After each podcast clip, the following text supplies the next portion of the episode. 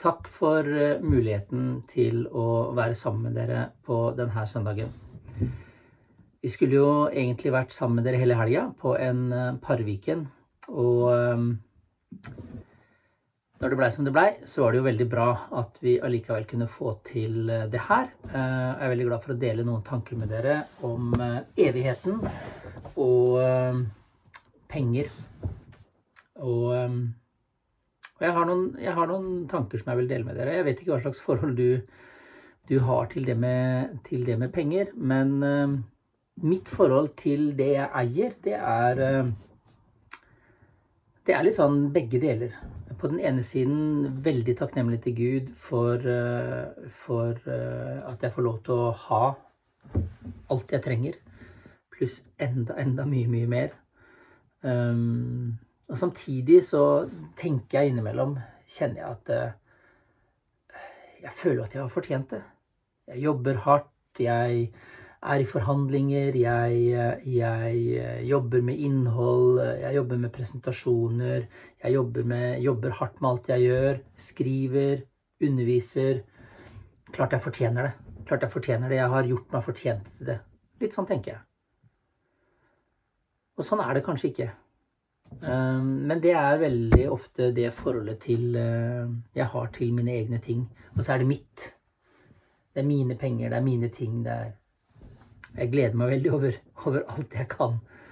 Alt jeg liksom har muligheten til å kjøpe. Trenger ikke spare til noe eller ja. Så vet jeg ikke hvordan du har det i forhold til dine penger. Hva er liksom Hva er greia med, med pengene dine? Er det dine penger? Er det Gud sine? Har Gud, eh, har Gud eierskap til det som du skal gi til, til Guds rike, eller har han eierskap til alt? Og hvor kommer det fra? Er det fortjent?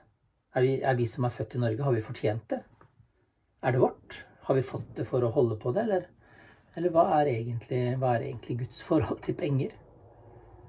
Det er veldig lett å tenke at det er den norske velferdsmodellen, det er den norske er den norske eh, politiske modellen som er liksom grunnlaget for Det er jo andre land som, som, har like mye inntekt som Norge har. Mer inntekt enn Norge har av olje.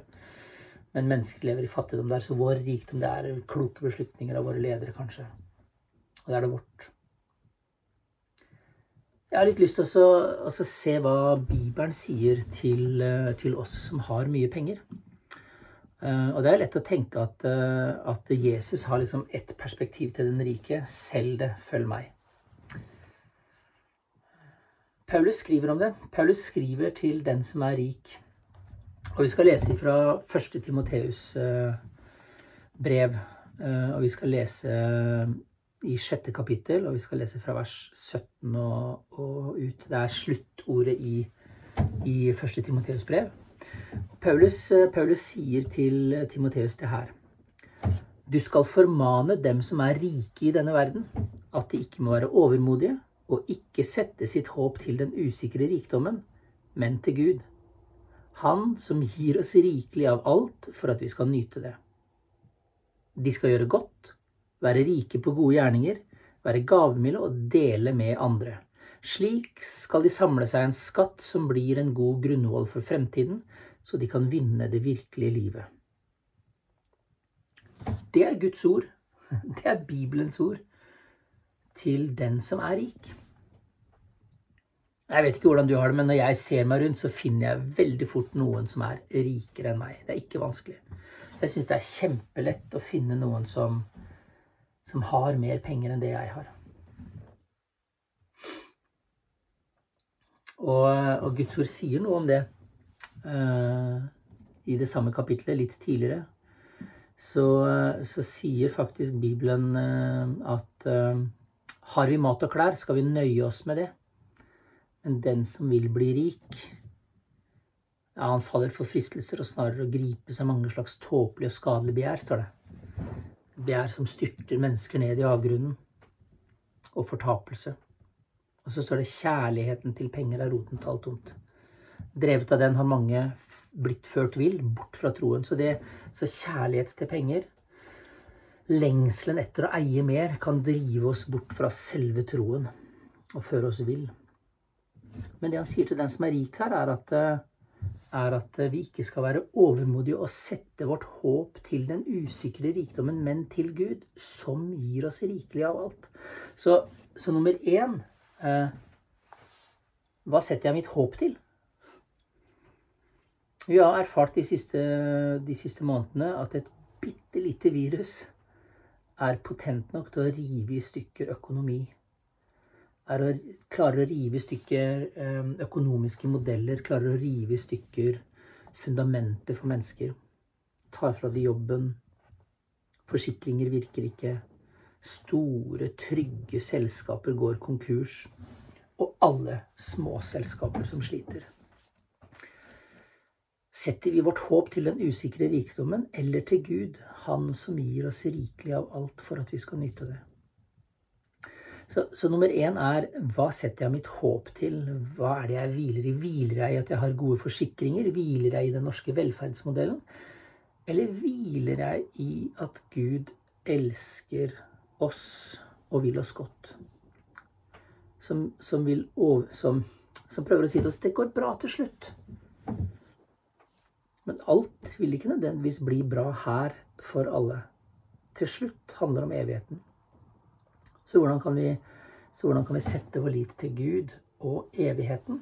Jo, han sier videre Den som er rik, skal være rik på gode gjerninger. Være gavmild og dele med andre. På den måten samler vi oss en grunnvoll for fremtiden, så vi kan vinne det virkelige livet, står det i vers 19.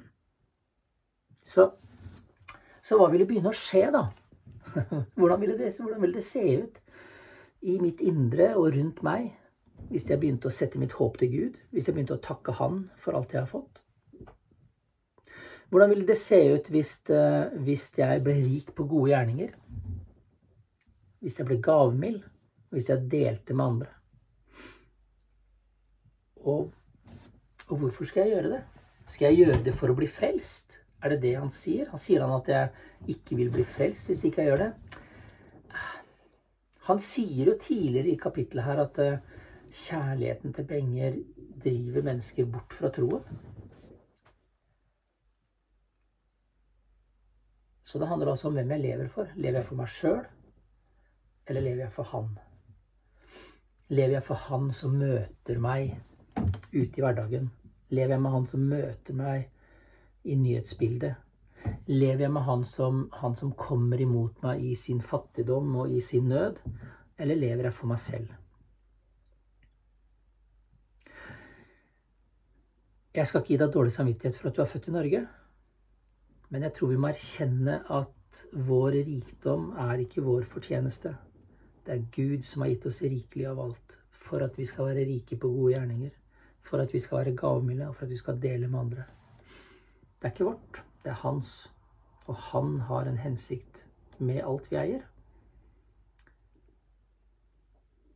Så hvordan ville det bli hvis vi ble rike på å gjøre godt? Hva ville skje med deg hvis du ble rik på å gjøre godt? Hvor mye er godt nok?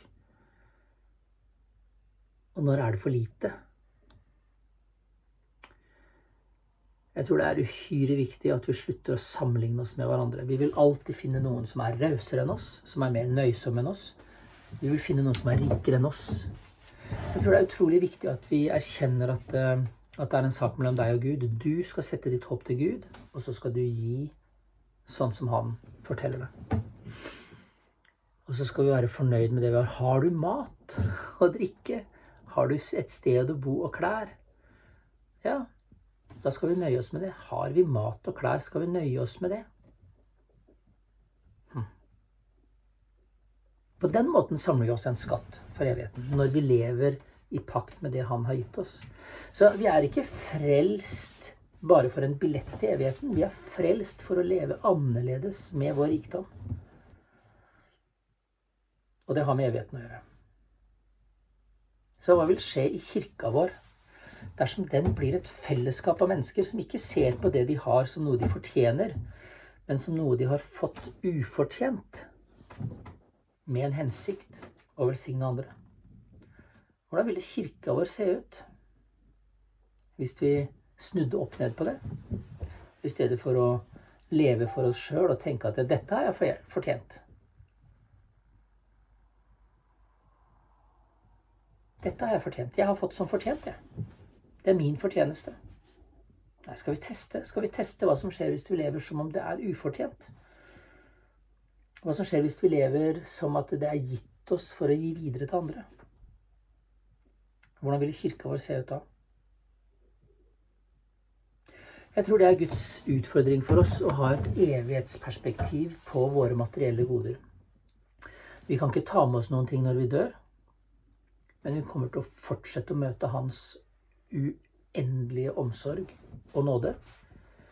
Så la oss leve med det vi har, som om det gjaldt livet. La oss dele som om det gjaldt livet. La oss dele som om det gjaldt vårt liv, og som om det gjaldt ditt liv.